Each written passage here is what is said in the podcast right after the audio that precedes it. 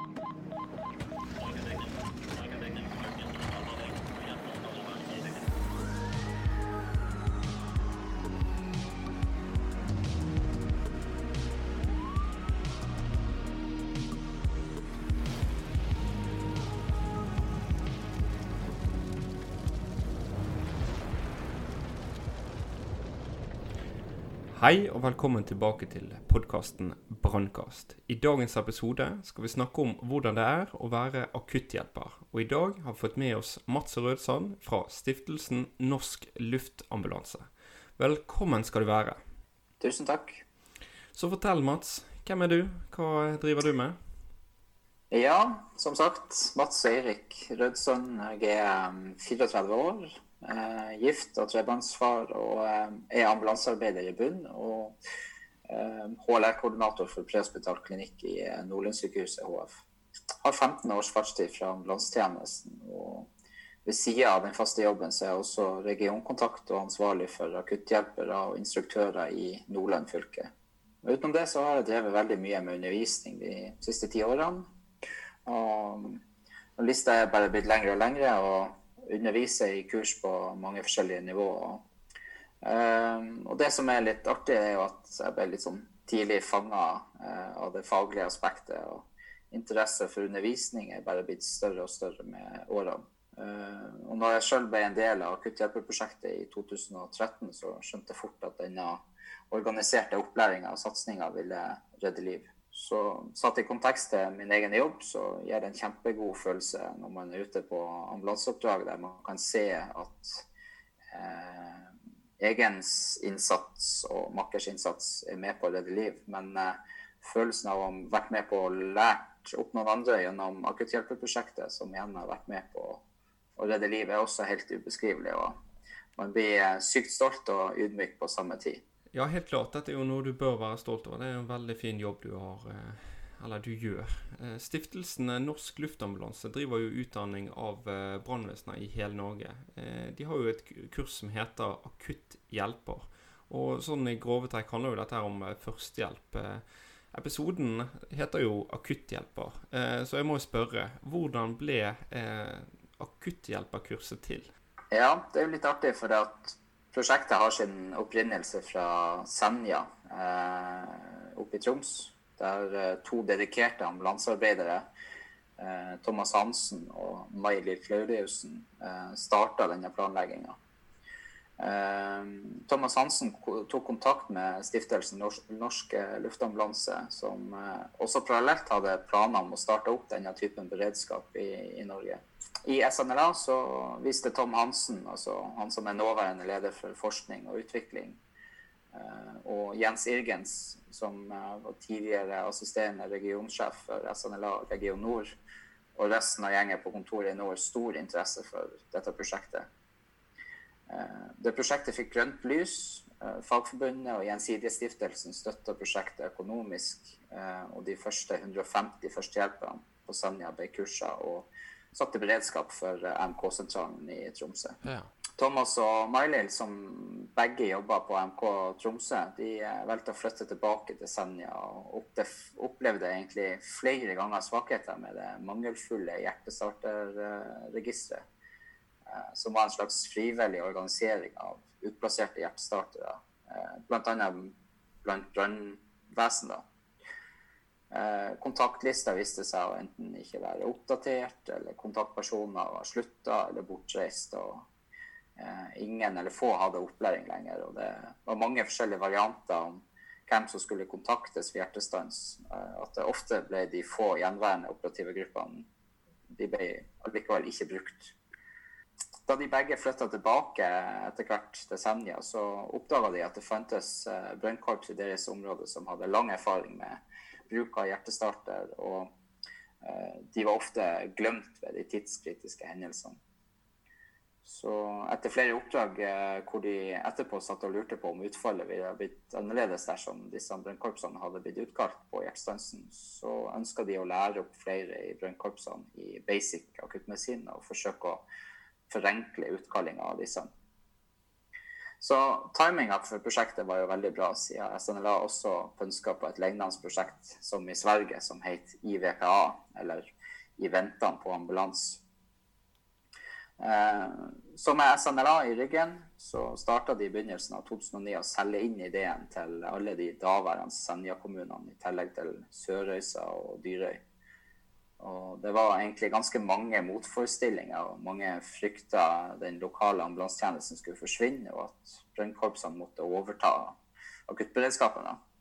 Eh, men til slutt så ble de seks kommunene overbevist om å delta på et prøveprosjekt hvor utstyr og opplæring ble sponsa av SNLA, mens kommunene dekka lønn til sine mannskap. Så mm, høsten 2009 så ble det første grunnkurset arrangert. Eh, eh, Førstehjelpsguru Åge Karlsen og Tom Hansen og Nord-Norge-kontoret til SNLA lagde en kursplan og kom nordover og arrangerte det første kurset sammen med Thomas og May-Lill.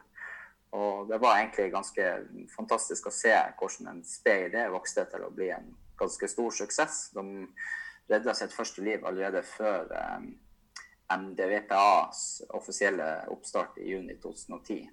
Og MDVPA sto liksom som en forkortelse for 'mens du venter på ambulansen'. Spennende.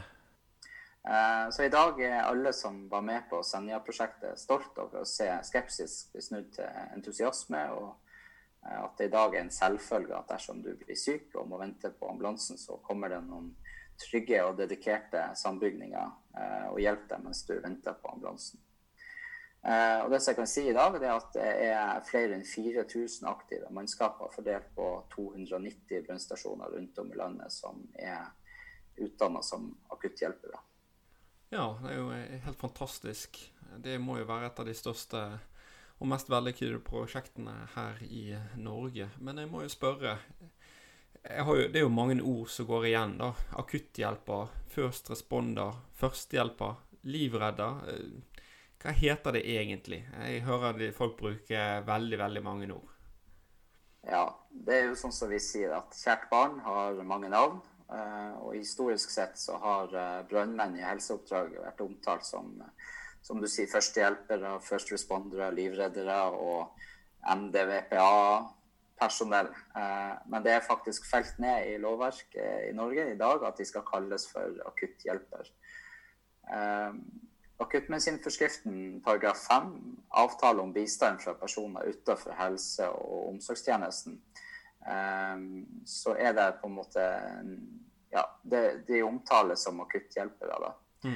Eh, og det er sånn at eh, kommunen og de regionale helseforetakene kan som en del av sin akuttmedisinske beredskap inngå avtale om bistand fra akutthjelpere.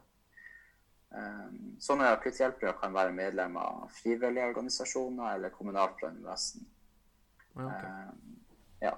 Og Sånn bistand kan jo komme i tillegg til, eller i påvente av at personell fra øvrige akuttmedisinske tjenester kan yte akuttmedisinsk hjelp. Eh, og så er det jo selvfølgelig sånn at eh, personer som skal yte sånn her type bistand, de skal jo ha fått nødvendig opplæring. Eh, som de får bl.a. gjennom eh, akutthjelpekursene. Ja, flere brannvesen får jo eh, kursing i førstehjelp. Hva er det mm, et sånt eh, kurs innebærer egentlig, og hvor lenge varer dette? Altså, jeg må jo også spørre, Hva slags oppgaver kan egentlig sånt brannpersonell bli satt ut til å gjøre? Ja, eh, historisk sett så ble jo akutthjelpekursene gjennomført som todagerskurs, oppmøtebasert, eh, over 16 timer. Mm. Eh, Gjennomføringa besto av teoretiske bolker som raskt ble etterfulgt av praktisk opplæring og case-trening. Eh, så nå i moderne tid så er kurset bygd om til e-læring og oppmøtebasert praktisk på åtte timer. Um, og E-læringa gir jo en god introduksjon i forskjellige temaer, slik som vurdering av hendelser med tanke på egensikkerhet, uh, pasientkontakt og håndtering av mennesker i krise, taushetsplikt og litt om helsepersonelloven. Uh, og det kommer som en ganske stor overraskelse for mange at lovverket i helsepersonelloven er så sterkt. Uh, men den er der eh, pga. at det er så viktig å verne om pasientene som vi rykker ut til. Helt klart.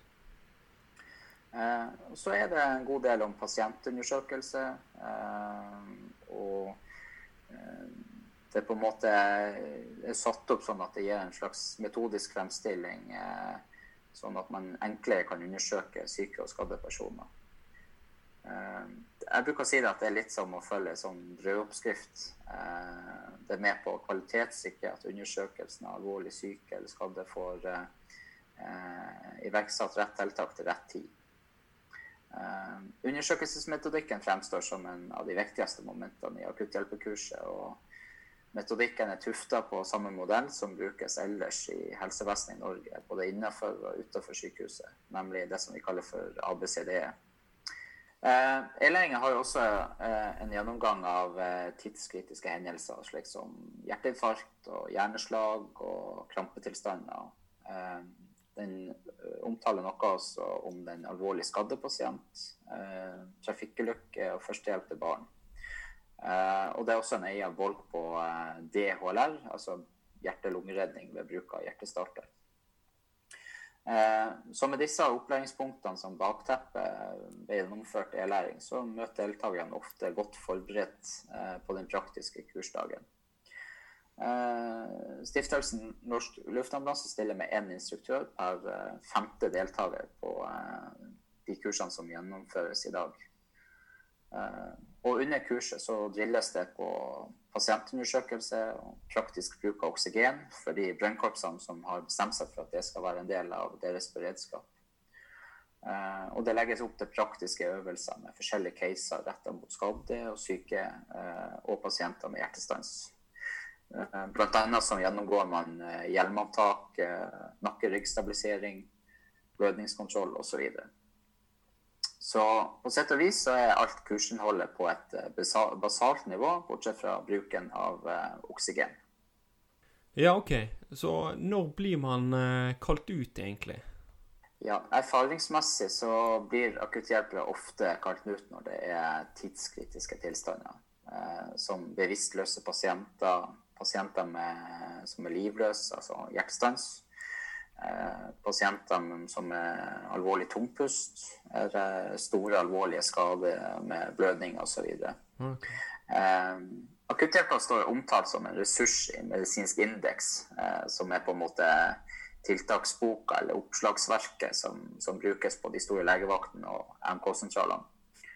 Eh, og mange plasser i landet så vil akutthjelpere komme raskere frem til pasienten enn ambulansetjenesten er i stand til. Og det kan komme av både geografiske utfordringer, samtidighetskonflikter osv. Så, mm. så en av suksessfaktorene til det norske brannvesenet og organiseringa er jo at de er desentraliserte og til stede ute i mm. de små og for så vidt store samfunnene. Ja, helt klart. Uh, og vi ser jo at flere norske liv er redda fordi at brannvesenet kom raskt frem til f.eks. hjertestanspasienter. Og et uh, viktig moment er jo at MK-sentralen kan benytte seg av akutthjelpere der det er til nytte for pasienten. Mm. Ja, jeg jobber jo i, eh, i 110-sentralen, og jeg merker jo selv at vi får mye sånn uh, forespørsler fra, fra AMK da, om å, å være først til stede, eller sende folk ut da, til å være først til stede. Så det, de er utrolig kjappe til, på plass da, hos pasienten. Uh, og de er skikkelig De kan være hjelpe med det meste, sånn sett. Eh, men er det sånn at brannvesenet eh, hadde ambulansen før, eller? Ja, det stemmer vel at noen brannvesen hadde det. Eh, men ellers så har jeg veldig liten eh, kjennskap eller kunnskap om hvordan dette var organisert eh, tidligere. Ja, jeg har nå hatt noen sånne sommerjobber, og der er noen av de eldre der som har sittet i ambulansen. Så nei, det er noe no, I noen steder i hvert fall. Jeg kan noe, Hvis jeg husker riktig, så var det noe i Tromsø og Askøy og Bergen og sånn som det der. Så, men ja. Eh, men førstehjelp eh, er jo et kjent ord for mange. Eh, men hva er egentlig førstehjelp? Hva innebærer dette? Det er vel ikke det samme type førstehjelp fra Altså, du får jo ikke den samme type førstehjelpen fra brannfolk eh, og vanlige folk osv. til en eh, paramedic. Eh, ja, det, det, er kanskje litt stort spørsmål, da, men eh, hva er egentlig forskjell? Ja, eh, altså ordet førstehjelp er jo nesten litt sånn selvforklarende. Det er den første hjelpa som ytes, uavhengig av årsak til at personen trenger førstehjelp. Eh, førstehjelp kan være livreddende tiltak, sånn som å gi en fri luftvei eller legge en person i sideleie som har nedsatt bevissthet. Eh, det kan være å starte hjerte-lungeredning, og det kan være å ta i bruk en AED eller en hjertestarter. Eh, førstehjelp kan også være å gi psykisk hjelp, som å trøste og roe ned en person. Uh, og Inndelinga er ganske enkel, og ofte omtaler vi førstehjelp som en del av det basale, eller av og til avansert førstehjelp. Uh, og så er det jo sånn at Utvikling av førstehjelp følger heldigvis utviklinga som skjer ellers i helsevesenet. Uh, før var jo det å bruke en AED, eller på godt norsk en halvautomatisk hjertestarter, ansett som noe veldig avansert og bare forbeholdt de høyt utdanna. Eh, så nå i dag så ser vi at bruken av AED som et basalt førstehjelpstiltak. Og man oppfordrer faktisk til å bruke en hjertestarter selv om man ikke har gjennomført opplæring. Mm. Og det er nok blitt slik fordi at vi ser at uh, gevinsten er så stor at når den er blitt tatt i bruk tidlig på en person med hjertestans, så har de større mulighet for å overleve da.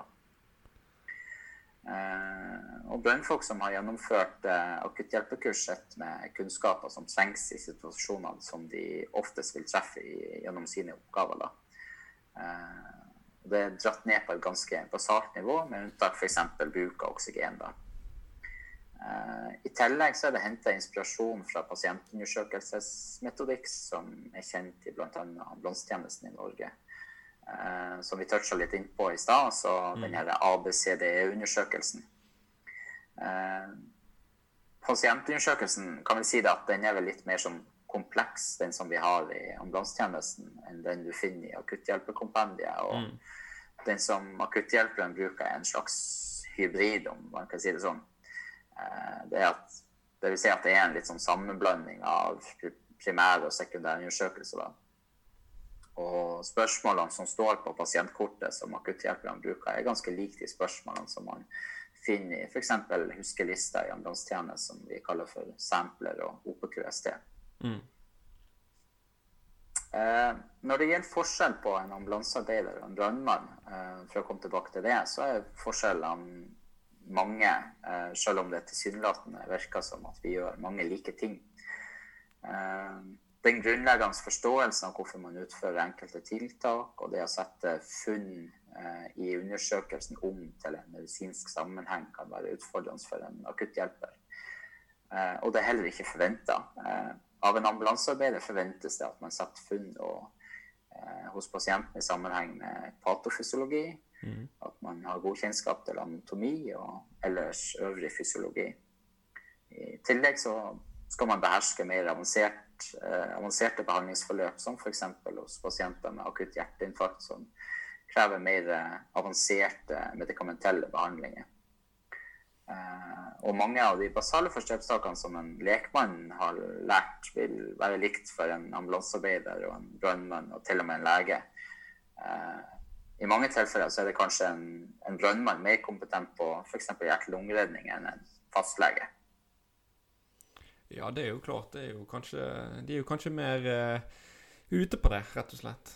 Jeg, uh, ja, uh, og kanskje øver til og med mer på det. Mm, mm. Og det er litt sånn Jeg merker jo selv at det kan jo være, f.eks. hvis vi trekker eksempler opp mot brann, da, at noen, av, noen deltidspersonell de er mye bedre da, til å røykdykke og slukke brann enn heltidsfolk, fordi at de får en større påkjenningen enn de heltidsfolkene, da. Um, ja. Men uh, det er jo også noe som heter psykososial uh, førstehjelp. Uh, det er jo den samtalen med, den du har med de som er berørt i en ulykkessituasjon. Hva innebærer en sånn sam samtale, rett og slett? For det er jo en stor del av, av førstehjelpen, egentlig.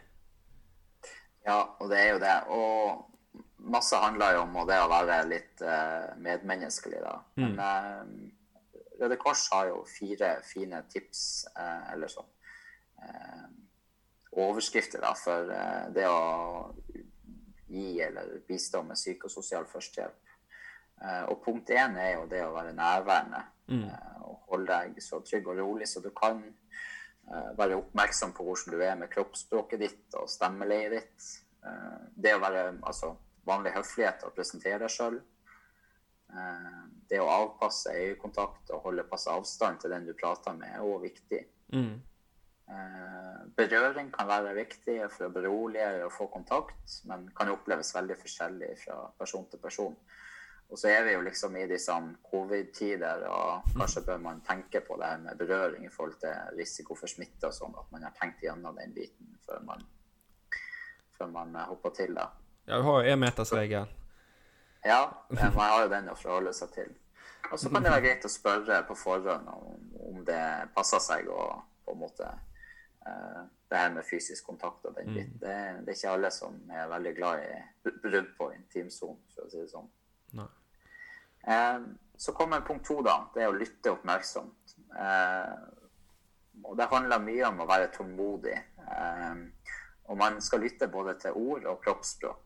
Uh, for at kroppsspråk kan fortelle deg mye om hvordan en person har det. Mm. Eh, man må akseptere at det blir pauser i samtalen, og, og det ikke er til forkleinelse for den som er der og skal yte førstehjelp. Uh, prøv å bruke korte setninger og gi klare og tydelige beskjeder. Um, og så kan det være greit å informere kort om de vanligste krisereaksjonene. Mm. Eh, så har vi det tredje punktet, og det er å akseptere ulike reaksjoner. Eh, noen personer reagerer med tydelig sinne, eh, gråt. Noen med redsel, og noen blir stille og tilbaketrukket. Og alle disse er normale reaksjoner på unormale hendelser, for å si det sånn. Mm. Sjokkreaksjoner er med på å skjerme de berørte, sånn at de får tid til å gradvis ta inn over seg det som har skjedd. Eh, og de som er berørt, som ønsker å få snakke om hendelsen, eh, de får gjerne gjøre det, og prøve å gi informasjon om hendelsesforløpet uten å eh, oppmuntre til å snakke om følelser i den akutte fasen. Mm. Og, og, dette er sikkert ting som på en måte de fleste brannmenn vil kjenne seg igjen i når det har vært store, alvorlige hendelser. Man på en måte har liksom defusing mm. eh, etterpå. Ja, defusing og debrifing og formell og uformell debrifing og full pakke. Ja, det er mange, det er mange fine ord på det. Eh, og så er det punkt fire å gi omsorg og praktisk hjelp. Eh, det handler det om å skjerme de berørte og hjelpe dem til et trygt sted. Eh, prøve å beskytte dem så godt som mulig fra tilskuere og eventuelt media. Eh, prøve å forsikre deg om at de ikke fryser. Altså hold de varme og gode. Eh, når det er mulig, så tilby de et teppe eller noe varmt å drikke. eller ja. Eh, og eventuelt andre umiddelbare behov som, som, de måtte ha behov for. Eh, og gjerne fortelle om hva som blir gjort, og spør eventuelt hva du kan bidra med. Eh, og så er det jo sånn vanskelig i den akuttmedisinske tjenesten å holde det du lover. ikke sant? For Mm. Eh, man kan f.eks. ha sagt ja, men vi skal være her sammen med dem en stund til eh, kriseteamet fra kommunen kommer, og sånn, og plutselig så befinner man seg sjøl på tur ut på et nytt oppdrag eller sånn. Så det, det kan være litt sånn utfordrende. da. Mm. Eh, og husk nå det at eh, de berørte fortsatt har egne ressurser, og det er liksom ikke eh, de, de, fleste kan stå opp for seg sjøl og fortelle litt om hva, hva, de ønsker eller vil eller ikke vil. da. Uh, ja. Så ved, ved hjertestanshendelser så kan man f.eks. spørre pårørende om de ønsker å være til stede under gjenopplivningsforsøket. Uh, for noen så kan det være godt å se at uh, alt det som kan gjøres, blir gjort. Og, mens andre igjen vil trekke seg tilbake og, og ikke være til stede. Så, og begge reaksjonene er greit. Man skal akseptere begge, begge reaksjonene hos, hos pårørende. Ja, helt klart. Um, det er jo en uh, veldig sterk opplevelse å være der på en hjertestans. Jeg har jo selv opplevd at folk enten ja, begge tilfeller, da. Og ofte så syns jeg at det kan være greit at de ikke er der òg, da. Så får vi på en måte litt sånn arbeidsro, da. Men jeg, jeg ser jo også det med at eh, Også at de kan eh, ja, hvordan skal jeg si det, altså sette de litt i arbeid og la de få snakke litt. Det føler jeg at eh, de på en måte setter fokuset vekk fra, litt vekk fra situasjonen. Jeg føler at det ofte kan hjelpe litt, da. Se om de kan få lov å bidra med og Kan du hente det teppet? Kan du gjøre det? sant? Få de litt sånn i arbeid, sånn at eh, de føler til at de kanskje hjelper til i situasjonen. Det tror jeg er lurt. Ja, og fra, fra, tidligere så var det kanskje en litt sånn misforstått greie at man alltid skulle bare få pårørende bort fra stedet så fort som mulig. Men det har vist seg sånn eh, erfaringsmessig og har vært forska litt på at eh, hvis pårørende ønsker å være til stede under et gjennomblivningsforsøk eh, f.eks., så, så skal man på en måte akseptere det og mm. la pårørende være der, så fremst det ikke eh, er å forstyrre den, den, innsatsen som foregår på stedet. Mm, mm. Så er det denne pårørendehåndteringen. Eh, ja. det, er jo, det er jo noe jeg vil kalle De vil jo jeg egentlig kalle den skjulte pasienten. Eh, jeg husker jo eh, tilbake til et førstehjelpsoppdrag der vi fokuserte så mye på, ja, på pasientene også, og helikopteret. da, Og at uh, moren til uh, pårørende ved siden av ble litt glemt. Og hun ble jo så uh, skjelven da, at hun uh, holdt på å gå i, eh, i bakke og var helt, helt stresset. Eh, jeg lå jo merke til henne, da, og måtte jo rett og slett eh, ta tak i henne og faktisk eh, geleide henne eh, bort, og, sånn at hun fikk satt seg ned og ivareta henne. da. Um, men det beviser jo egentlig bare én ting, da, at uh, i helseoppdrag så er det alltid noe å gjøre. Så, sånn jeg ser det, så finnes det jo alltid flere pasienter enn bare den som ligger der. Eh, det lærte i hvert fall godt den dagen, da. Eh, disse folkene kan jo være de som har ringt inn, eller familien rundt. da. Så ja, hva bør man egentlig gjøre i forhold til disse her eh, skjulte pasientene? Ja, det er et veldig godt poeng, og det kan være fort gjort å glemme de pårørende. At de også kan trenge vår hjelp innimellom.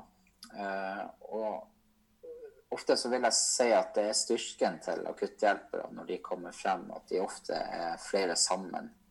Eh, kanskje et team av tre eller fire, noen ganger en hel vaktstyrke på fem. da. Eh, det gir ofte akutthjelperne et lite fortrinn når det kommer til pårørendehåndtering. Eh, kanskje er man raskere i stand til å identifisere den pårørende som er helt satt ut av situasjonen, og som som trenger en støttende røst eller uh, en geleidende hånd, og tar det til sida for en liten prat. Uh, I de mest akutte oppdragene som krever stor innsats fra hele teamet, så kan det være vanskelig å se og eventuelt hjelpe pårørende. Men uh, det er viktig så snart situasjonen tillater, at man prøver å bistå disse også, da. Mm.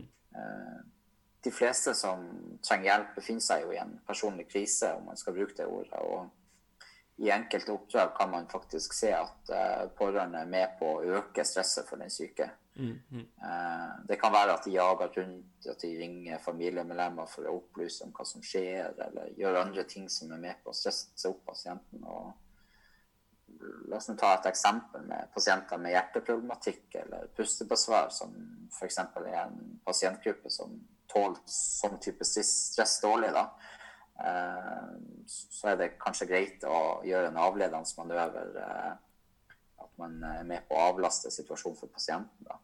Ja, plutselig så, eh, så har vi en pasient to, da. sånn ja, sagt. definitivt. Plutselig så går du på et, fra et lite sår til et, en stans ved siden av. Så vi må jo være obs på det, da, rett og slett. Det var vel kanskje litt i det drøye lag, da, men Sånn en, ja da, nei, men det, man, man lar seg aldri slutte å overraske over ting, så Ja, helt klart. Um, men eh, de fleste har jo hørt om eh, ABC. Uh, men her er jo det ABCDE. Og altså Hva er det? Og hva gjør vi egentlig her? Ja, uh, ABCDE, det er en smørbrødliste for å bruke det ordet, da, eh, som står for airways, eh, breathing, circulation, disability og expose, exam eller environment. Eh, og det høres jo voldsomt ut når det er liksom på internasjonalt språk. Og, men huskeregler brukes verden rundt for at vi skal ha en prioritert huskeliste å gå etter når, man, når det kommer til undersøkelser og tiltak. Eh, man setter f.eks. ikke på oksygen på pasienten før vi har kontroll på om pasienten har eh, fri luftvei og puster normalt. malt. Det er kanskje det beste eksempelet. da. I tiltakskortet som akutthjelpere i Norge har, så finner man igjen ABCDE med egen kolonne for undersøkelsesmomenter og egen kolonne for tiltak. Hovedregelen er finner du noe som avviker fra det normale i undersøkelsen, så gjør man et nødvendig tiltak før man går videre på neste undersøkelsespunkt. Aha, OK. Eh, men er det sånn at det går lenger enn ABC, ABCDE for andre, eller altså Jeg har nå hørt at folk eh, har sagt opp mot eh, ja, hva var det, da? A, B, E, H, I, J, K? Noe sånt. Altså, hvor langt går egentlig dette her eh, alfabetet, egentlig? Ja, altså det som du kan si, er jo at egentlig så er A, B, C, D, E det som er mest vanlig å bruke. Um, det nye som er kommet nå i PHTLS, altså det som ambulansetjenesten bruker som de avanserte kursene, altså Prehospital Trauma and Life Support, som går på behandling av den traumatiserte pasient, er XABCDE. Ja. Eh, og det er egentlig bare tilføyd en X som eh, går på å håndtere livstruende blødninger først før man gjør andre tiltak. Altså til og med før man gir fri, fri luftvei. Eh, for på veldig få, men enkelte pasientkasuser med f.eks. punktert pulsåre i lyske eller lår, Eh, så risikerer vi at pasienten kan blø ut og dø i løpet av få minutter uten at det, hvis det ikke gjøres tiltak umiddelbart. Um, og I basal førstehjelp i Norge, hvis man leser i førstehjelpslitteratur, så kan man også finne igjen begrepene som blås eller blåst, eh, som står for bevissthet, luftvei, åndedrettssirkulasjon og temperatur. Um, jeg er nok litt sånn farga av at jeg jobber i helsevesenet og er nok mer fan av ABCDE og syns at det er bra at akutthjelperne i Norge lærer den metoden. Um, ABCDE-lista brukes også som en huskeliste som uh, strukturert tilbakemelding til øvrige instanser som er involvert i, i samme hendelse. Eksempelvis MK, ambulanse, luftambulanse. Uh, så hvis du nå er en akutthjelper og er ute på en uh, syk eh, person, da, eh, så kan f.eks. tilbakemeldinga gå som Ja, gir deg et eksempel, da. Dere er ute hos en mann 52 år, og så bruker vi huskelista ABCD. Og da kan man si A. Pasient har fri luftvei. B. Føler seg tungpusta med en pustefrekvens på 22 i minuttet. Noe blålige lepper oksygenmetning på 91 før oksygen. Uh, Nå har pasient 95% med to liter på brillekateter. C. Pasient er varm og svett i huden. Puls 112. Ingen synlige blødninger. D. Pasienten virker våken og klar, kan smile, bevege armer og bein uten problem og kan gjenta en setning uten til språkvansker. Uh, han har ikke vært bevisstløs. E har ikke avdekka andre viktige funn, og pasienten sitter inne varmt og godt. Vi har sendt ut en mann for å ta imot lokal ambulanselege. Og dette kan på en måte være et, et godt eksempel på hvordan akutthjelpere i Norge jobber med f.eks. en systematisk tilbakemelding på eh, etter at de har undersøkt pasient. Ja. Hmm, hva som var feil av han her, da? Skal vi se eh, 52 år, frie luftveier, tom pust føler seg tungpustet. Pustefrekvens 22, ja. Litt blålige lepper. Metning på 90 ja, Fått 95 etter uh, ja, så jeg er ikke lege, så jeg kan ikke uttale meg. Nei. jeg kan i hvert fall se ut ifra ABCD-undersøkelsen at pasienten har et, et um, veldig åpenbart B-problem. Mm. Vil si at det er et problem som går uh, spesifikt på pusten. Mm. Eh, litt sånn blå på leppen, litt sånn forhøya pustefrekvens og har litt sånn lav oksygenmetning. da. Eh, og eh, her har man gjort et funn på B, og akutthjelperen har eh, iverksatt tiltak med å gitt oksygen, mm. eh, f.eks. på et sånt brillekateter. da.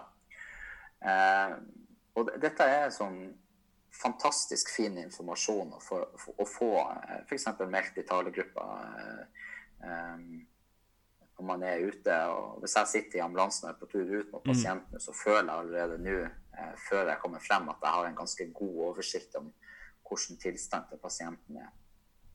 Mm, mm. Helt klart. Ja. Eh, og så er det jo sånn at det, det er liksom Akutthjelperne skal ikke på en måte sette noen diagnose på pasienten. Sånn. Det er liksom bare å avdekke de, de funn som er åpenbare, og tilbakemelde de og behandle det som de kan gjøre ut ifra eh, deres ståsted. Ja. Nei, eh, nei jeg, eh, jeg, var vanskelig nødt til her, da. Men eh, ja. Etter flere år med førstehjelp og øvelser, så merker jeg at det, det, er jo veldig mye sånn forskjellige instrukser fra år til år, og kanskje også sted til sted. Altså, Hva er egentlig siste nytt per dags dato? Altså, skal man bruke nakkekrage eller ikke? Altså, og hva gjør man egentlig på hjerte-lungeredning? Det er jo noen som har 2,30, noen 5, altså 2,25 og 2,15 og ja.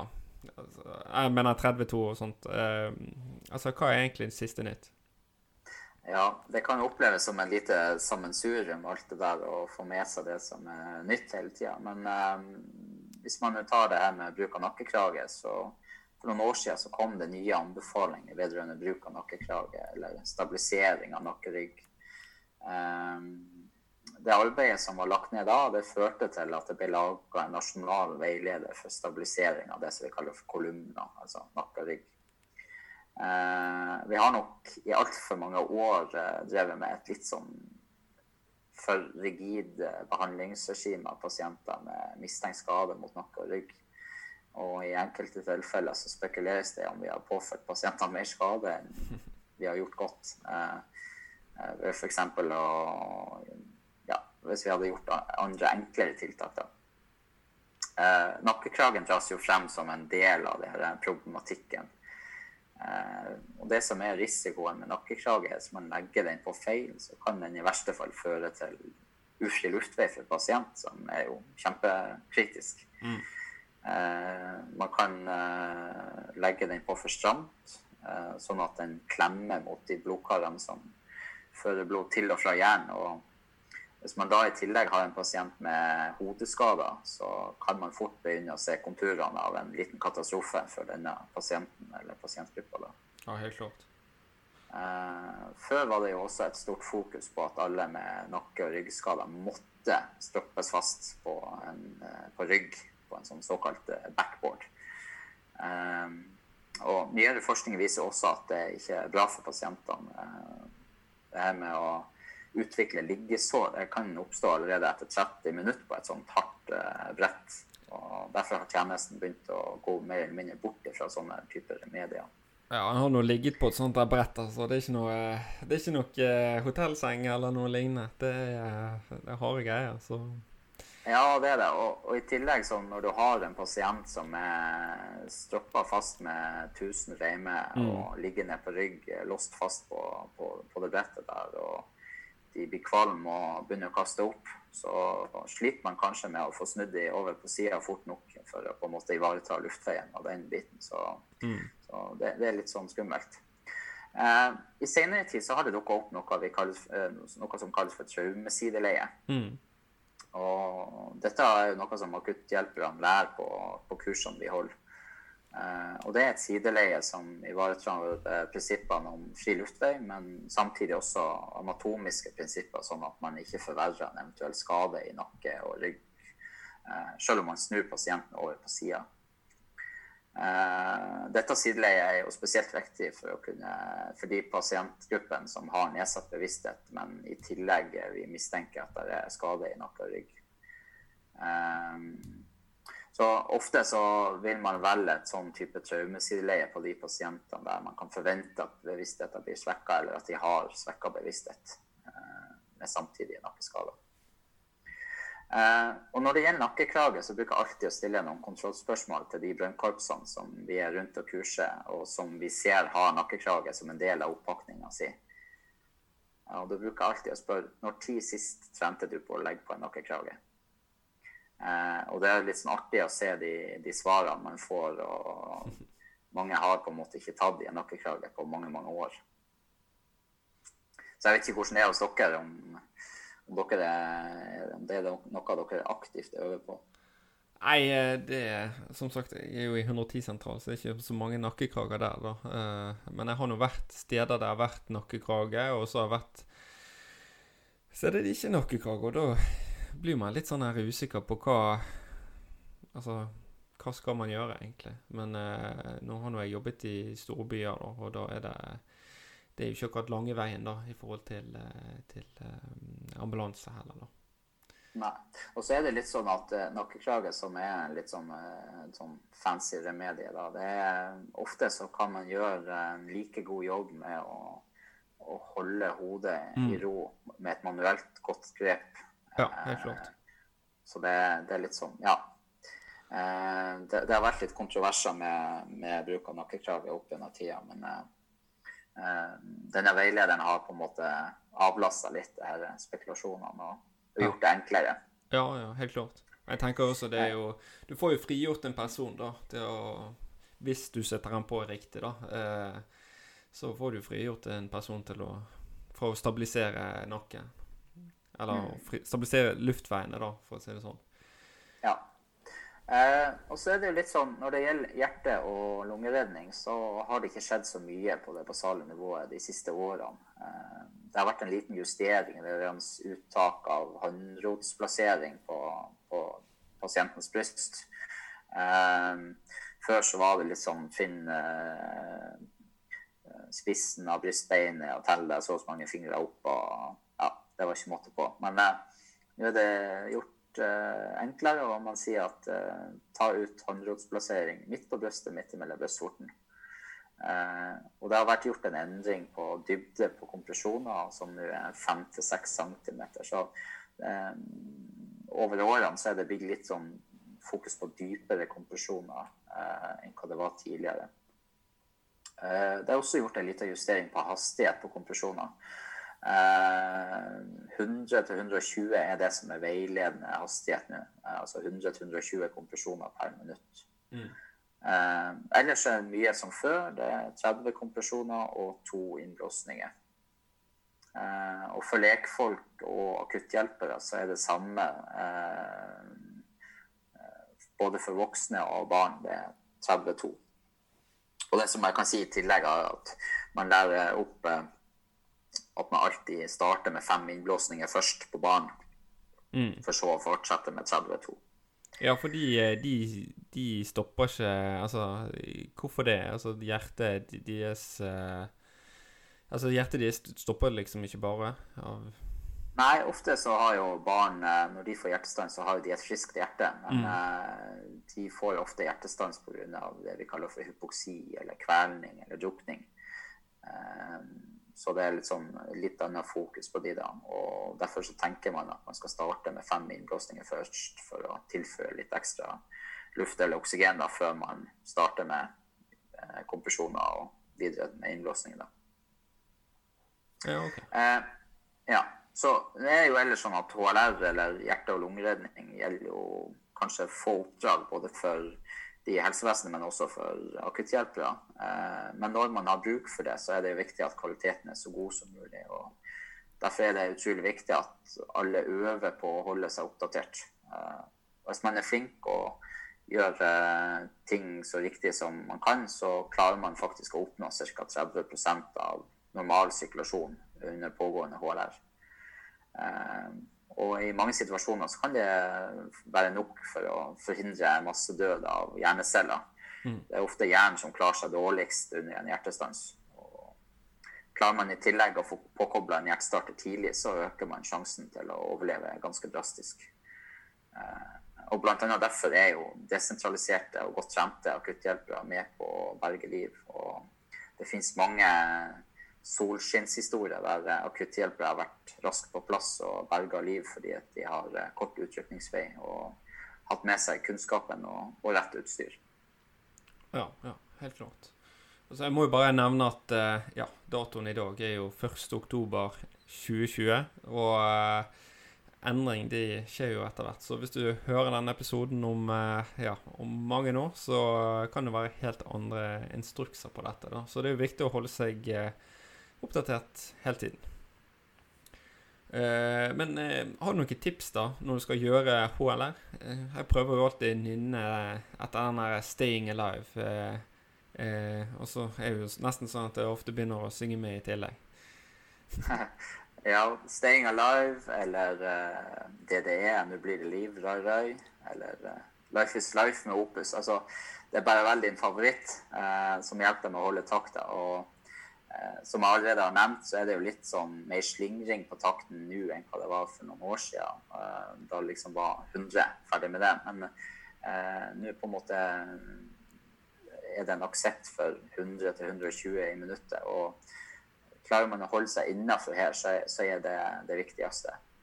Eh, og jeg bruker å si det at man, bruker, man må passe på hverandre når man jobber i team og utfører hjerte-lungeredning. Man og tenker på takt og dybde og eh, lining og innblåsninger. Eh, og ser man eller hører at den som holder på, er for rask eller for treig, så må man tørre å gå inn og, og justere hverandre, og, eh, sånn at kvaliteten blir eh, best mulig. Ja, helt klart. Men har du noen eh, sanger som er på en måte litt mer moderne? Altså, Disse her sangene er jo ikke for de som er født etter 2000, eh, sant? Det er jo Ja, nei, eh, jeg har egentlig ikke noe sånt. Eh, det har jeg ikke tenkt på engang. For jeg har liksom siden tidenes morgen vært printa inn med 'Staying Alive', og så mm. har jeg egentlig bare justert opp tempoet litt på den, så Nei, men det er liksom man får, man får, sette seg ned og bla gjennom Spotify og se om man klarer å finne noe mer moderne som, som passer ungdommen. Ja, helt klart. Sikkert noen sånne rapp- eller ruselåter som kan være passende. Definitivt. Uh, og så bruker jeg å si det at uh, hvis det ikke går å justere hverandre når man holder på, for det at den som uh, sitter og, og komprimerer, er skikkelig høy, har et sånn adrenalinkick, mm. så er det bare å fokusere på å få bytta så raskt som mulig. Um, og den jobben man gjør med å kvalitetssikre hverandre, at man gjør best mulig hjerte-lungeredning, det, det, er kjempeviktig. Um, så må jeg få si det at når det gjelder hjerte-lungeredning, så sørg nå alltid for at pasienten ligger på et hardt underlag. Mm. Uh, aldri driv med hjerte-lungeredning oppi senga til pasienten. eller sånn. Da må man heller bare dra de ned på gulvet, og, og gjerne dra de på en plass der man har litt arbeidsrom ikke de sitter klemt opp mot klesskapet eller veggen, eller, eller, uansett. Ja, for da er det bare å altså, tenke litt Det første du nesten bør gjøre, det er jo egentlig bare se for deg hvor du skal jobbe. Altså se pasienten og se hvordan det blir arbeidsområdet blir. Og så ja, ja skap deg plass. Ja. Uh, det, det, det, er veldig viktig. For mm. at, uh, så går det bare utover kvaliteten. Ja, helt klart. Og jeg tenker jo også det blir jo gjerne Etter disse øvelsene så har jeg jo hatt på meg I begynnelsen så hadde jeg på meg eh, full rustning på, da, men jeg merker jo at uh, jeg må fort ha med jakken. Så uh, man ja. blir god og varm. Ja, det, det, er god trening. Ja, så jeg tenker det kan være et godt tips også, å rett og slett bare kle, av seg. For det, er jo greit ja, å ha minst mulig tid på annet tull. Men det skal vi litt Vi skal jo gå tilbake en, komme tilbake til det etterpå. Men ja. ja. Eh, så det her med å, å, telle kompresjonene dine sånn at de andre i teamet hører deg. Eh, og øk volumet på stemmen din, eh, gjerne fra kompresjon 25 og oppover til 30. For da er det litt sånn enklere for den som f.eks. sitter i hodet og skal gi eh, innblåsninger. Han får litt sånn Oi, shit, nå må jeg gjøre meg klar. Eh, og eh, prøve å være effektiv i forhold til den biten. Eh, når det kommer til innblåsning, så er det viktig at de som ikke blir for kraftige. og Blåser man for mye eller for kraftig, så forsvinner lufta ned i magesekken til pasienten. og Skjer dette gjentatte ganger, så risikerer du at det kommer mageinnhold opp og i verste fall havner i lungene eller med på å blokkere luftveien. Og I tillegg så vil en magesekk som er full av luft, eh, øve trykk bak mot aorta og opp mot hjertet og øvrige blodkar som som eh, bringer returblodet fra kroppen og tilbake til hjertet, og vil igjen føre til en dårligere sirkulasjon. Eh, og det her med sittestilling, eh, så sørg for at du har ei sittestilling som er tett inntil pasientens kropp. Gjerne med beina dine godt spredt fra hverandre, og da er du med på å forhindre det vi kaller for lining. Det er noe som oppstår når du har tatt feil sittestilling og du har flytta tyngdepunktet så langt frem at du egentlig nærmest tipper fremover og lener deg på pasientens bryst. Oh, ja. Eh, da får du ikke til å gjøre fullstendige oppslipp mellom hver kompresjon, og det medfører at du hele tida presser mot thorax eller brystkassen og vil føre til dårlig oppfylling av hjertet mellom hver kompresjon, og du egentlig ikke oppnår det resultatet du vil. Ja. Så er jo snakk om den der hands on-tiden. Altså, hva er egentlig dette? Hva innebærer det? Ja, hands on-tid er den vi, tida vi bruker på komprimering. Eh, og det motsatte vil jo være hands off, som beskriver tid der vi ikke aktivt får gitt eh, komprimering. Eh, og det kan komme av distraksjoner, eh, at man bruker for lang tid på innblåsninger, f.eks. at noen plages med luftveien. Eh, at man rett og slett har litt feil fokus. Eh, jo mer hands on-tid vi, eller jo mer hands on vi er, jo bedre er det for pasienten. og gir en større mulighet for overlevelse. Uh, og vi prøver å hente sekunder her og noen sekunder der. Uh, ved f.eks. Uh, skvise ut den lufta fra siste innblåsninga med første kompresjon. Det er f.eks. ting som er med på å holde hands-tida oppe. Ja, ok. Så er det jo sånn at man skal holde på helt til helse tar over. Altså, hvor lenge kan man holde på, egentlig?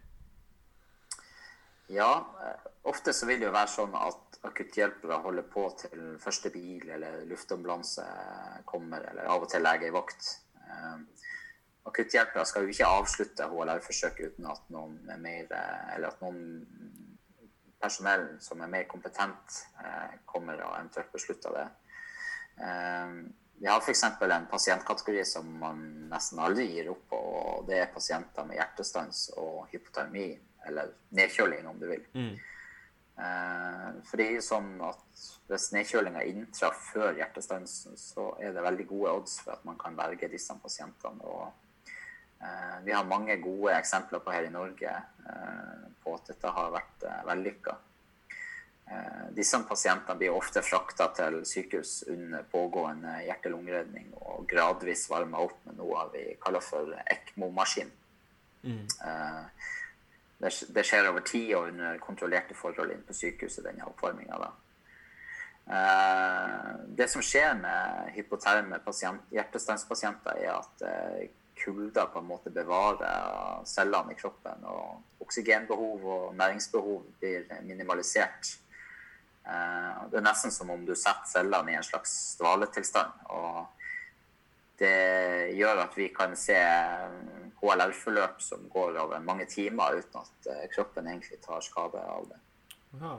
Ja, for det var jo en eh, dame oppe i Tromsø, var det vel, som eh, Hva var det det var for noe? Det var noe at hun hadde ja, verdensrekorden i å være det, var ei, det var ei dame som gikk, på en måte gikk gjennom isen i ei elv med ganske kraftig strøm. da, og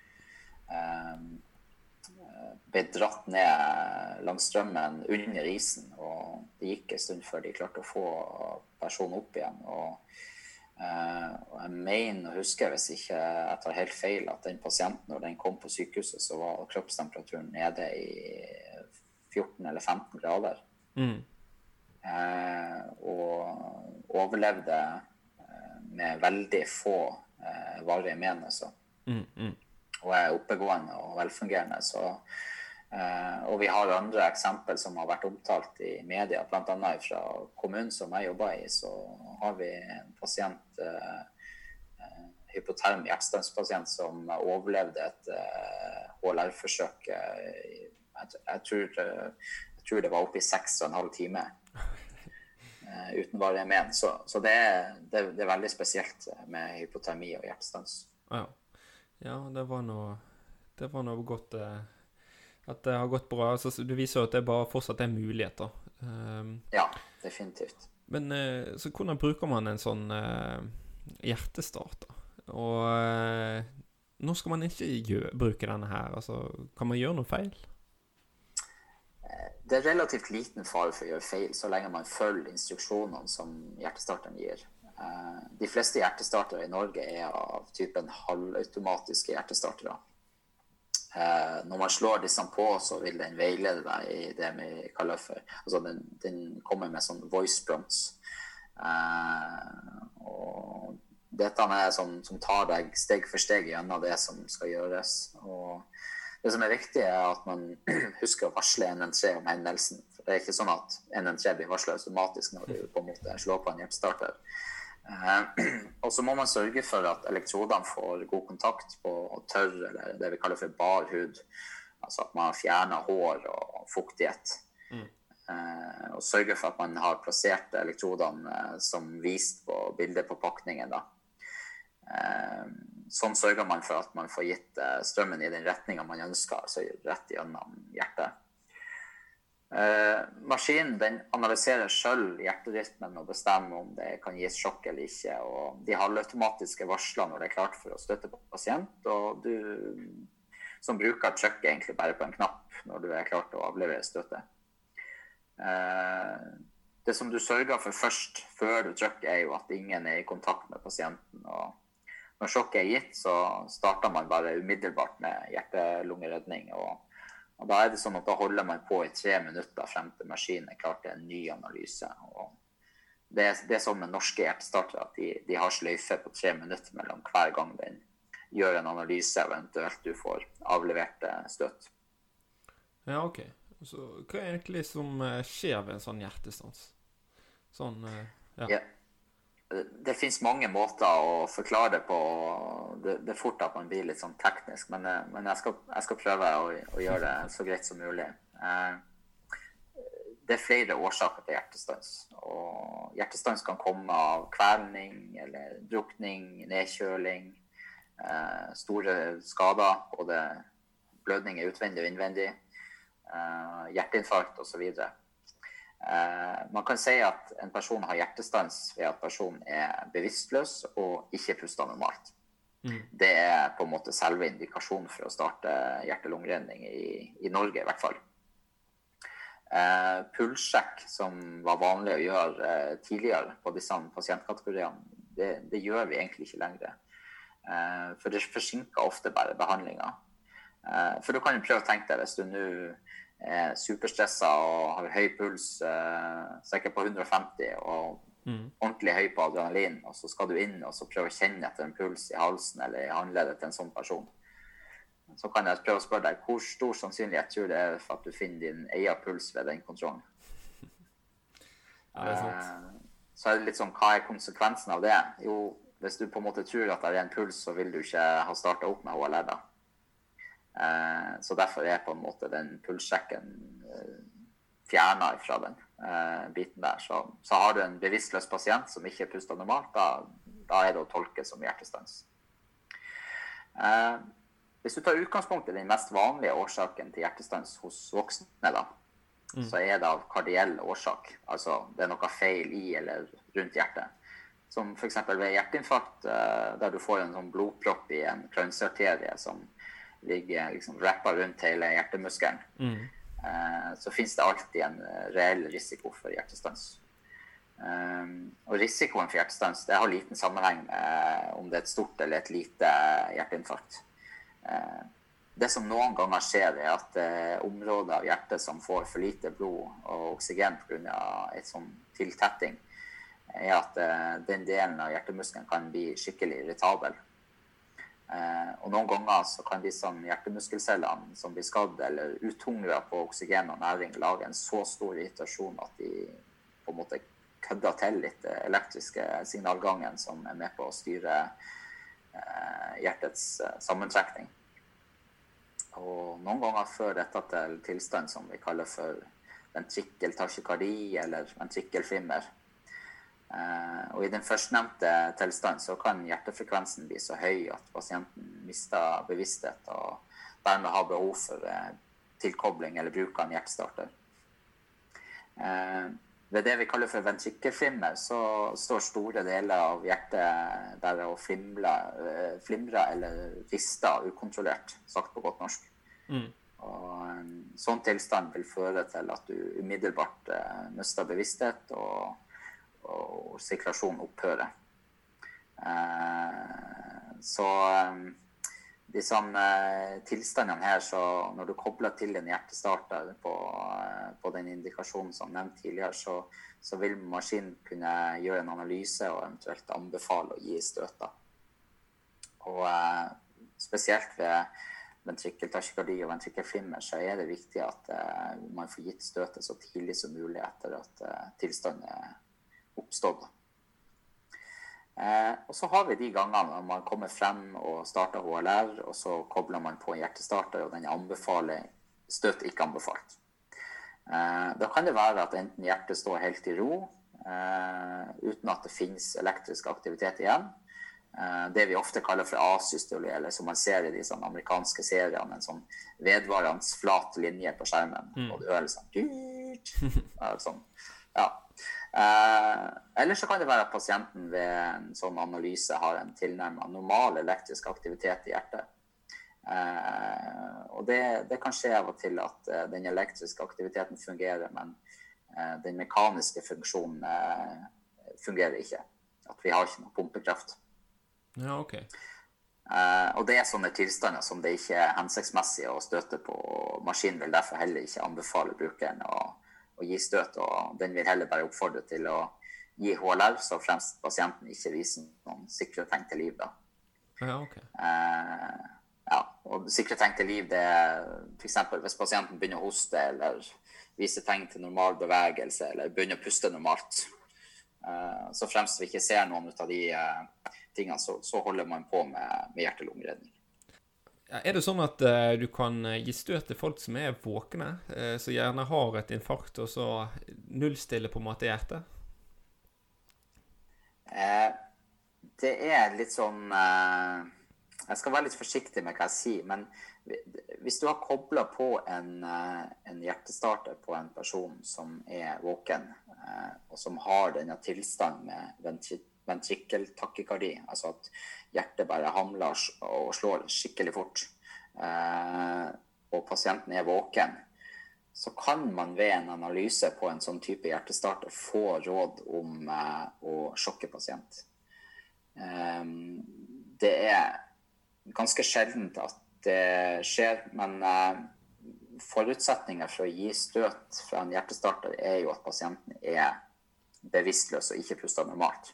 Så hvis man har det i bakhodet, så unngår man å gjøre sånne uh, ugunstige handlinger, om jeg skal si det sånn. Mm, mm. Ja, for det er jo ikke helt normalt å begynne å eh, koble på en sånn maskin når pasienten er våken, da. Eh, så eh, ja. så hva gjør man egentlig når pasienten er våken, men syk? Ja, altså hvis f.eks. meldinga er at pasient har hjertestans, og så kommer akutthjelperne frem og finner en pasient som er våken, men eh, virker veldig veldig syk, så er kanskje det en større utfordring for akutthjelpere enn hva om pasienten har hjertestans. For da er du så på en måte drilla inn i hodet ditt at eh, nå skal vi utføre HLR, og det er veldig sånn protokollstyrt. og mm alle, alle, har kanskje diskutert sin rolle og hvordan vi skal fordele oss, og sånn og sånn, og så er på en måte situasjonen helt annerledes. Eh, og det å behandle en pasient som er våken og kanskje veldig veldig syk, det er kanskje en større utfordring for akutthjelperne enn om det var hjertestans. Eh, for det er så mer komplekst. Eh, det er så mange mer ting som skal gjøres og undersøkes og spørres om, og eh, man på en måte faller tilbake til eh, pasientundersøkelsen med ABCDE og Ja, så det kan ofte være en, en større utfordring. Definitivt. Mm, ja, helt klart. Eh, men vi må jo også snakke om eh, oksygen også. Altså, det er jo noen brannvesen som gir dette. Altså, er, hvordan er det med oksygen eh, egentlig? Eh, det er jo gjerne noe som blir brukt når folk har fått i seg røyk. Men uh, man kan man bruke dette her for å berolige en pasient, eller kan dette være skadelig? Uh, jeg har jo selv brukt dette på noen og fått, uh, har jo fått en liten sånn her placeboeffekt. Ja, oksygen har vært en del av akutthjelpeprosjektet siden dette starta for ti år siden. Og mange ting har skjedd vedrørende bruk av oksygen. Og oksygen er i dag betegna som et, eh, et, medikament og omtales som medisinsk oksygen. Eh, Behandlinga med oksygen kan være meget gunstig på en rekke tilstander. og Bl.a. røykinhalasjon, som du nevner. så er det ikke uvanlig altså, Det er ikke uvanlig å møte på som en, som en brannmann. Eh, og det med røykinhalasjon er jo at du puster i deg masse eh, CO-gass som på en måte fortrenger plassen til oksygenet i, i hemoglobinet. Og ofte fører til det vi kaller for indre kvelning. da. For at du får ikke lasta på nytt eh, du får ikke lasta på nye oksygenmolekyler i, i hemoglobinet. og og du får på en måte ikke frakta oksygenet rundt i kroppen. Eh, og det, det, er kjempeskummelt. Mm, mm. På en måte den, Det beste eksempelet er jo eh, den her grottefesten som, som var eh, i Oslo for, eh, for, kort tid siden. Eh, så var det jo også snakk om kullosforgiftning, eller CO. da. Mm. Eh, og det er på en måte akkurat det samme som skjer der. da, Når puster i deg masse masse røyk, eh, så er det ganske stort innhold av CO i den, eh, i den brønnrøyken. Og, og Derfor er det veldig gunstig at eh, de akutthjelperne har med seg oksygen og kan iverksette f.eks. høydose oksygenbehandling på, på sånne pasienter. Mm. Eh, og så vet vi at hjertestanspasienter antar vi at de tjener godt på ekstra tilførsel eh, under et pågående eh, HLR-forløp. Eh, så har vi også kolspasienter med forverring som kan tjene godt på litt ekstra oksygen. Og, eh, men vi vet jo at denne gruppen pasienter er vi litt sånn, alltid litt sånn ekstra oppmerksomme på. Eh, det at eh, gir vi for mye oksygen over for lang tid til eh, en pasient med langkommen kols, eh, så kan vi risikere at pasienten begynner å puste dårligere og bli sløv. Eh, mm. det kommer av at de er vant til en høyere konsentrasjon av CO2 eh, i blodet sammenlignet med en lungefrisk. og med for mye oksygen så vil de egentlig bare respondere med langsommere pust og etter hvert bli, bli svekka i, i bevisstheten. Eh, så de kolspasientene de er via en hel sånn kolonne i oksygenprosedyren. Eh, eh, for de som på en måte er oppmerksom, så, så vil man kunne se at vi, vi aksepterer lavere oksygenmetning på disse før vi iverksetter behandling enn ved øvrige pasientgrupper, f.eks. Eh, så har vi noen pasientkategorier, sånn som ved hjerteinfarkt og hjerneslag, eh, som rett og slett ikke skal ha for mye oksygen. Eh, der man antar at en for høy konsentrasjon av oksygen i blodet, som ikke er bundet fast til de røde blodlegemene, kan være skadelig for pasientene. Og den prosedyren som eksisterer i akutthjelperprosjektet i dag, tar høyde også for alle disse pasientgruppene. Og behandlinga er i henhold til eh, noen av de grunnleggende føringene som eh, også ambulansetjenesten forholder seg til. Eh, og at oksygen har en sånn beroligende effekt, er nok mer en sånn psykisk greie, tenker jeg. Og de pasientene som er urolige, og som du ser har effekt av oksygen, er nok kanskje de pasientene som, som hadde et behov for eh, ekstra oksygentilførsel i utgangspunktet. Da. Bruk av oksygen det, det, er jo sånn at det må delegeres til hver enkelt akutthjelper i eh, kommunen eh, av kommunelege. Så i praksis så er det egentlig kommunelegen som bestemmer om brannvesenet skal få lov å ha med seg medisinsk oksygen eller ikke. Ja, OK. Um, her i brannvesenet så er det veldig mye man skal kunne og øve på. Men hvor ofte er det egentlig retrening i dette her? Uh, er det noe krav på øvelser i, året? Ja, etter gjennomført grunnkurs så krever SNLA at det gjennomføres retrening én gang per år med en godkjent instruktør uh, gjennom stiftelsen. Eh, og det oppfordres også sterkt til at det gjennomføres øvelser i småskala eh, gjennom året for å på en måte holde disse kunnskapene ved like. Eh, og mye av det går jo på å repetere pasientundersøkelser, sånn at det ikke oppleves som noe nytt hver gang man er ute hos en pasient. Ja, Er det noen feil som dere ser at, som går igjen, da? Altså, er det noen typiske feil man, man må luke vekk? Eh, nei, altså I kurset så kan man jo tydelig se at brannmenn det er noen praktikere. Eh, det å, å, å, sitte i en rolle eh, og nærmest føre et pasientintervju eller eh, kommunisere med en syk pasient kan være svært utfordrende for mange i, i brannvesenet. og Derfor så legger vi veldig stor vekt på å trygge brannmenn i akkurat disse settingene. og Bruk av pasientkort og rollefordeling er også noe som får mye fokus under kursene. Ja, eh, Bør man spice disse øvelsene opp, eller? Altså, Etter mitt syn så er ikke læringseffekten noe større om man sminker og jåler til pasientene, altså de, eller de markørene, eh, når man øver i en sånn setting eh, under kursene våre. Det viktigste er at man lærer seg prinsippene ved en pasientundersøkelse. og For det er egentlig den som setter deg i stand til å undersøke hvordan som helst type pasienter.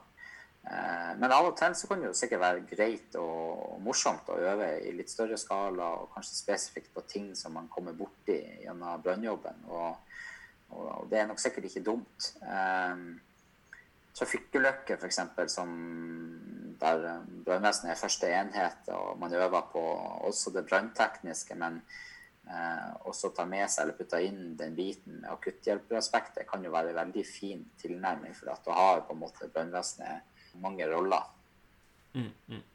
Ja, jeg tenker det er en uh, fin tilnærming. Eh, men jeg føler også at brannvesenet er ofte på bæring og hjertestans. Eh, de kjører gjerne, tante, kjører gjerne til ja, tante Olga, da, eh, som har vondt i magen, eller eh, hjelper helse å bære en tung mann, en tung mann ned trappen.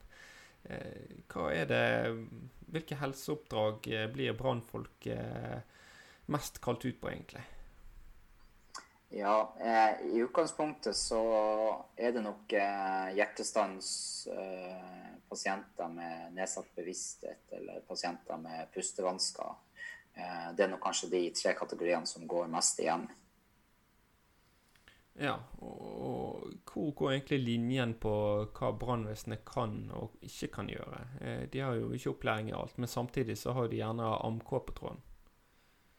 Ja, det, det finnes tilstander der akutthjelperne ikke har så mye å bidra med, kanskje. og eh, Hvis man plukker ut ett eksempel, da, som fødsel og gynekologiske problemstillinger, så er kanskje det et godt eksempel. Mm. Uh, I utgangspunktet så bør fortrinnsvis akutthjelpere brukes der det uh, står om liv og helse, eller det er til vesentlig lette for pasient, pårørende eller uh, øvrig helsepersonell som kanskje er på stedet da. Mm, mm.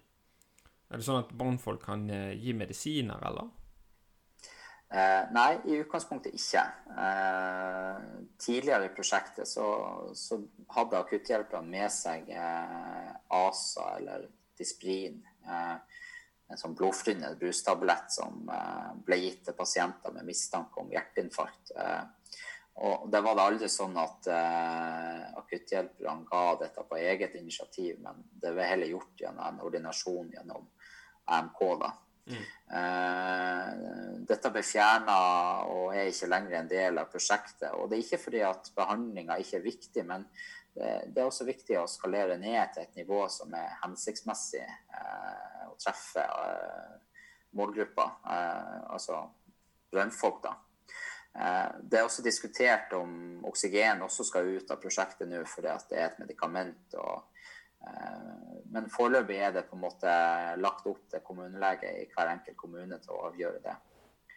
Eh, og I noen situasjoner så kan pasienten ha sine egne faste medisiner tilgjengelig og ha behov for å få disse. og Da kan akutthjelpere være for med på å tilrettelegge og finne fram, men det er pasienten sjøl som må administrere og og ta disse medisinene. Ja, hva slags utfordring er det ved å være akutthjelper i et deltidsbrannvesen, egentlig? Ja, eh, det er små samfunn, og de fleste brannfolk eh, kjenner veldig mange i, disse små samfunnene. Eh, og det kan jo på en måte være en slags ekstra belastning eller en sånn, en sånn psykisk faktor i det hele. og det gjelder jo egentlig uansett om, om du rykker ut til, et, til en husbrønn der, der, du kjenner de som bor der, eller du må rykke ut til noen som er blitt akutt syk eller skadd, og, og du dem. så er det alltid en belastning for, for akutthjelperen. Uh, tid til å øve kan jo også være en utfordring. Uh, eh, brannvesen som er på kasernert vakt, eh, som er der samla som, som, et vaktlag, kan jo kanskje finne mer rom og tid til å, å, å øve sammen. Eh, mens de som er deltidsbrannvesen, eh, ofte må på en måte forlate sine private ting i hverdagen og møtes for å øve. og det kanskje kan være en større utfordring da. Eh, og så er det noe i forhold til at sånn, de som er deltidsbrannvesen, har litt lengre aktiveringstid og eh, alltid har denne stressfaktoren med å komme seg fra, fra bopel og til eh, kanskje innom brannstasjonen først for å rykke ut med, med brannbil. Eh, ja, det er nok eh, en del av de faktorene eller de momentene som jeg tenker jeg vil trekke frem. Ja, helt klart. ja, i de store byene så er det gjerne mindre sjanse for å møte kjentfolk. Eh, kjentfolk kan ofte være en fordel i å møte ettersom da man gjerne kjenner problemene, og kan gjerne eh, gjerne eh, gjøre vedkommende mer trygg i situasjonen. Men samtidig så vil det jo være den der, som du sier, den større påkjenningen hvis det har skjedd noe galt. da. Ja, eh, men det kan jo også være, hvis du snur på, på flisa, så kan det være at hvis du kjenner personen, eh, og kanskje kjenner til en del av problemene eller helseproblematikken, så kan det kanskje at man blir litt sånn eh, forutinntatt og mm. nesten gjør det litt sånn vanskeligere å undersøke også. Så det, det, det, er både fordeler og ulemper i det her med, med de små, små, samfunnene, eller det med kjentfolk. da. Mm. Um, så det, ja, det er både plusser og minuser. Ja, helt klart. Um, nå, i disse koronatidene, så er det ja, så er det helt spesielt. Hva slags begrensninger møter vi på nå, egentlig? Ja, det som vi kanskje ser, er jo at det er en mer sånn tilbakeholden bruk eh, i enkelte MK-områder. Eh, der akutthjelperne eh, ikke Altså, de rykker ikke ut unødvendig. og Eh, det har jo det her med risiko for smitte, og i verste fall hvis man sender et helt eh, vaktlag ut eh, på en pasient, så viser det seg at det er koronasmitte, så har man på en måte satt ut hele styrken. Og det er jo litt sånn problematisk. I starten var også det her med manglende smittevernutstyr et stort problem. og kanskje også manglende opplæring på bruk av smittevernutstyr. Men jeg føler jo at en del brannvesen begynner å få på plass det her. Eh, har fått tak i utstyr og har fått en del opplæring i bruk og håndtering av eh, smitteutstyr. Så eh, jeg tror nok kanskje med tiden så blir vi å se at, at vi også får ut akutthjelpere som, som, rykker ut på oppdrag og kanskje ikledd smittevernutstyr. Ja, helt klart. Men er det sånn at man kan velge å ikke gi innblåsning av Altså hvis man er redd for å altså redd for å smitte noen, eller få smitte fra noen. da. Det er vel gjerne den siste der. ja, og har man en, en uavklart hendelse der eh, covid-status ikke er kjent, så, så, bør man unngå bruk av innblåsninger eh, som man f.eks. gjør ved munn-til-munn eller munn-til-maskeinnblåsning ved bruk av pokkenmaske. Eh, I tillegg så, så, bør man kanskje si det at uh, ved hjertestans og sånn, så er det jo greit at uh, mannskapene er ikledd uh, smittevernutstyr. Uh, F.eks. har uh, maske med P3-filter og visir eller briller, og hansker eventuelt smittefrakter. Og i noen brannvesen tidlig i starten så, så var liksom akutthjelperne redd for at de ikke skulle bli kalt ut på oppdrag. Og de veldig, fant mange kreative løsninger for hvordan de skulle gjøre det ved manglende smittevernutstyr. Og, og noen eh, fant ut at ja, vi, vi, kan kle oss opp i fullt eh, røykdykkerutstyr. Eh, med, med, maske og full pakke. Så det, liksom, det sto ikke på kreativiteten. Og, og brønnfolk eh, strekker seg langt eh, ofte for å på en måte gi nødvendig hjelp. da. Men forhåndsregler er det alltid greit å ta, og det er jo sånn at altså hjerte-lungeredning genererer jo det vi kaller for aerosoler. altså sånn, det, på en måte, det kommer, det spruter ut sånn mikroskopiske partikler ut av pasienten. og og er det så uavklart med smitte, så, så, er det jo litt sånn dumt hvis vi sitter og, og puster inn det her og, og sjøl blir smitta og syk. Bunnlinje, skal man trekke noen konklusjon ut av det her, så, så, så er det litt sånn fint eh, at hvert enkelt brannvesen eh, avklarer internt eh, og eventuelt med kommunelege eller smittevernsoverlege, sånn at man eh, responderer på hendelser med en god plan. og Eh, kan håndtere hendelsen med, med følelse av mestring, da, selv om vi befinner oss i en veldig merkelig situasjon. Mm. Ja, så klart. Hvordan tror du framtiden ser ut for eh, brannvesenet? Det blir jo mer og mer helseoppdrag, da?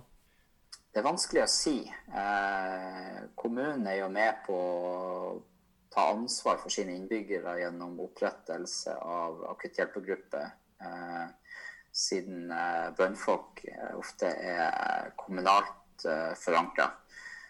Det er derfor viktig også at man på en måte har en god politisk forankring, forankring ved, ved, opprettelse av sånne akutthjelpere.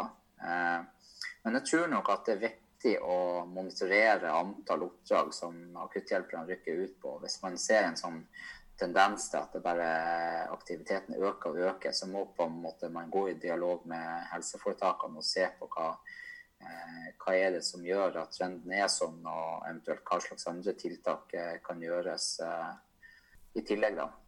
Mm, mm. Ja, helt klart. Men da, Mats, da er vi nødt til å, å runde av episoden. Eh, da vil jeg jo selvfølgelig benytte anledningen til å takke deg og eh, Norsk Luftambulanse for at dere hadde lyst til å være med på eh, denne episoden. Det har vært eh, utrolig lærerikt. Takk. Ja, jeg ønsker å takke veldig for at vi eh, fikk lov å være med og fortelle om eh, prosjektet. Tusen takk. Tusen takk. Så da vil jeg oppfordre alle til retrening i førstehjelp. Takk for at dere hørte på oss. Vi snakkes.